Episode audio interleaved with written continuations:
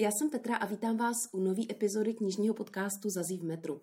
V dnešním díle budu mluvit o audioknize, kterou mám teď docela dost eh, v čerstvé paměti, protože to není tak dlouho, co jsem tu knížku četla, klasicky v papíru a moc se mi líbila.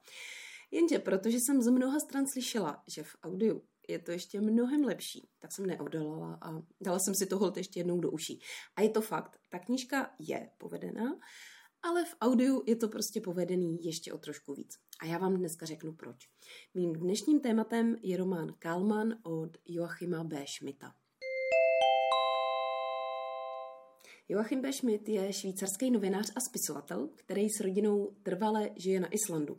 A na svém kontě má v tuhle chvíli zatím šest knih, Kalman teda už vlastně není žádnou novinkou. V originále poprvé vyšel už v roce 2020, ale českýho překladu se dočkal až letos na jaře, kdy vyšel v nakladatelství Prostor. Vizuálně je to strašně hezká knížka. Vůbec teda stojí za zmínku, jaký krásný knížky v poslední době Prostor vydává. Všimli jste si toho? Oni úplně změnili grafiku i materiál a je to teda velká radost držet v ruce jakýkoliv titul od nich z posledního řekněme, roku plus minus, nebo aspoň tak nějak já tuhle změnu k lepšímu registruju. No ale vraťme se ke Kalmanovi. Je to vlastně první a zatím jediná knížka, která Šmitovi vyšla v češtině. On píše v Němčině. Jeho knihy, co jsem tak koukala na anotace, budou nejspíš podobného ražení jako Kalman. Jsou to všechno romány a vždycky je tam nějakým způsobem ujetá postava, která má víceméně aspoň nějaký, byť třeba vzdálený vztah k Islandu. Až na jednu výjimku, román s názvem Tel je autorovu vlastní převyprávění legendy o Vilému Telovi. Nutno říct, že autorský převyprávění, on si to podle svých vlastních slov upravil tak, jak by sám chtěl tuhletu legendu poslouchat. To je zatím jeho nejnovější knížka. Kalmaná do češtiny přeložila Marta Eich, která mimo jiné má na svědomí naprosto úžasný překlad nádherného románu Co je o to vidět od Mariany Leky. A já myslím, že tenhle překlad můžeme taky označit za mimořádně zdařilej. Letos na jaře byl Joachim B. Schmidt hostem pražského veletrhu Svět knihy. A já už jsem tady o něm mluvila v květnovém veletržním speciálu, ale stejně to připomenu a řeknu vám ještě jednou, jak autor sám popisuje vznik románu Kalman.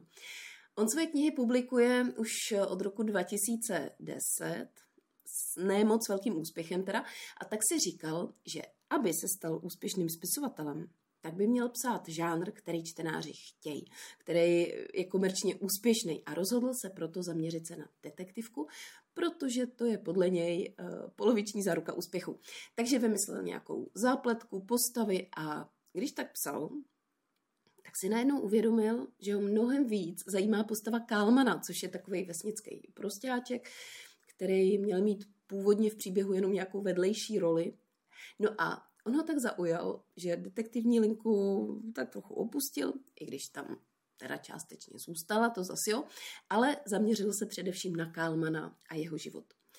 A vyšlo mu z toho nakonec takový poklidný a ohromně sympatický vyprávění o životě na Islandu, o tom, jaký je tam počasí, jak tam lidi společně žijou jaký jsou národnosti a jak se tam vzájemně snášejí.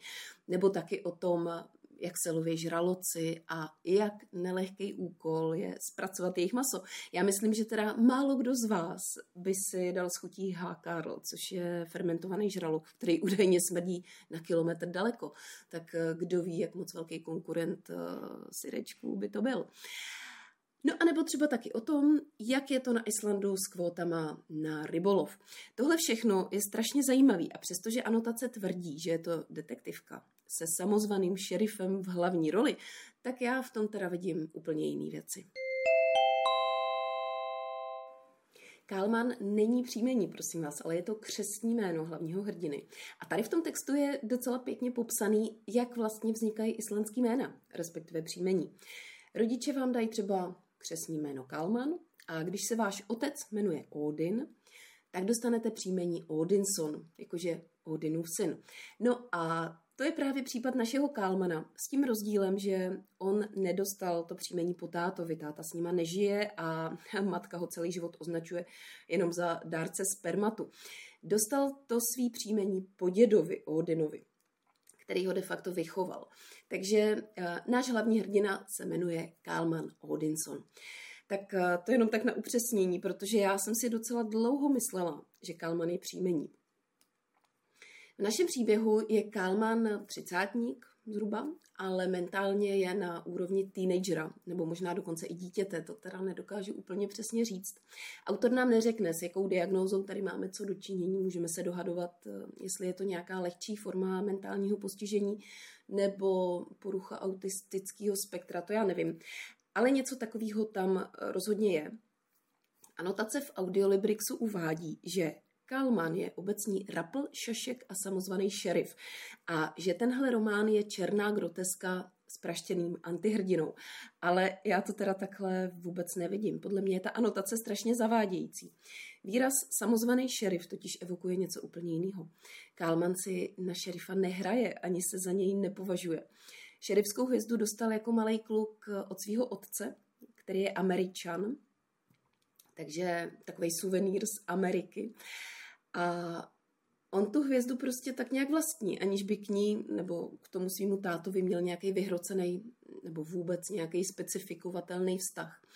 Dostal od něj teda ještě mauzrovku, která je nakonec k překvapení všech zúčastněných pravá. A tyhle dvě věci nosí, když si chce připadat důležitý.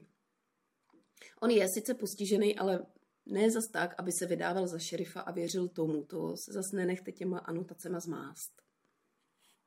Postava Kalmana je takový hodný a dobrosrdečný kluk, který mu to akorát nemyslí tak svižně jako ostatním a je fakt, že trpí určitou emoční labilitou. Ale přitom by chtěl žít svůj život úplně normálně, jako každý jiný, což se mu do značné míry i daří je v podstatě soběstačný a od doby, co děda bydlí v domově důchodců, tak Kalman žije sám a rybaří, konkrétně teda loví ty žraloky. Tohle řemeslo převzal po dědovi a nakládá žraloky tak dobře jako nikdo jiný na Islandu. A jednoho dne při svojí lovecké výpravě najde Kalman ve sněhu kaluš krve. Někomu se o tom takhle tmo zmíní, takže to samozřejmě nezůstane úplně bez pozornosti. No a když pak se začne pohřešovat místní hotelier Robert, tak si to lidi začnou samozřejmě dávat do souvislosti. No a to je tak zhruba vše, co vám k té detektivní lince můžu prozradit. Zbytek si přečtěte sami. Nejvýstěžnější charakteristika je podle mě to, že Kálmán je pomalá kniha. Není těžká, to mě nechápejte špatně, ona se čte i poslouchá opravdu moc hezky, ale to vyprávění je takový velmi pozvolný a pomalý. Nečekejte tady žádnou rychlou akci. I když teda vlastně jo, jedna taková akčnější scéna tam je. Ale jinak, pokud bych se měla uchýlit k nějakému zjednodušení a přirovnání, tak bych asi Kalmana přirovnala k tvorbě Michaely Klevisový, která sice bývá označovaná za královnu české detektivky, ale já bych řekla, že píše spíš společenský romány s lehkou detektivní linkou, která ale v těch jejich textech není úplně tím nejdůležitějším.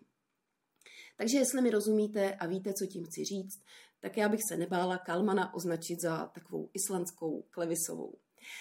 A já teda nevím, no, myslím, že s tím Šmitovým původním záměrem napsat detektivní bestseller to nedopadlo úplně slavně, ale za to si našel svůj specifický styl, který mně osobně je velmi příjemný ale už jsem taky četla zklamaný názory od čtenářů, kteří očekávali severskou detektivku.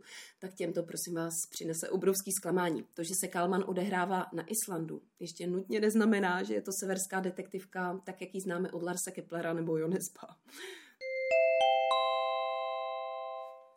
Audioverze Kalmana vyšla letos u One Hot Book a nahrávka je neskrácená, to můžu potvrdit, protože jsem si spoustu pasáží četla simultánně s poslechem. A celkem ta kniha trvá asi 10 hodin. Interpretace se opravdu moc hezky zhostil Jan Meduna, který dodal tomu hlavnímu hrdinovi přesně takový dobrácký tón, jaký k němu skvěle sedí, takže si ho určitě zamilujete. Jestli znáte audioknihu Růže pro Algernon, tak budete úplně přesně vědět, co tím myslím, že Meduna vdechnul Kálmanovi přesně tu duši, kterou má mít.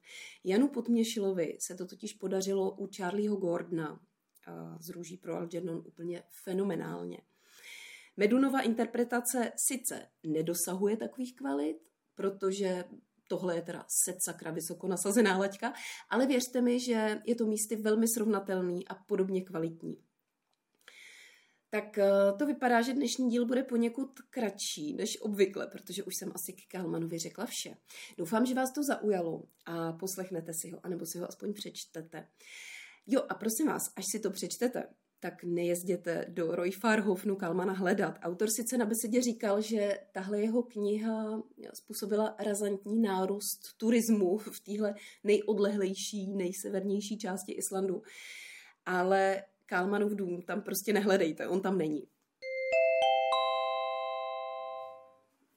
No a tímto se s vámi rozloučím. Děkuji vám za pozornost a na úplný závěr bych vám ještě chtěla nahodit takovou malou udičku a totiž informaci, že podcast Zazí v metru se dočká svýho prvního live natáčení.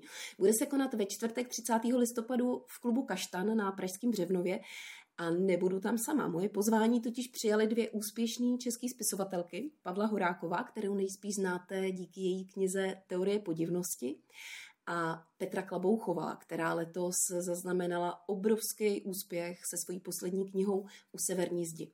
Takže jestli tyhle dvě autorky chcete vidět naživo a ještě navíc se stát součástí živého natáčení podcastu, tak si zapište do diáře 30.11. a já se tam na vás budu moc těšit. Ještě předtím se ale uslyšíme tady v podcastu a to za 14 dní, kdy vám přinesu zase nějaký tip na skvělou knihu. Už se na vás moc těším. Mějte se skvěle a hlavně hodně čtěte. Ahoj!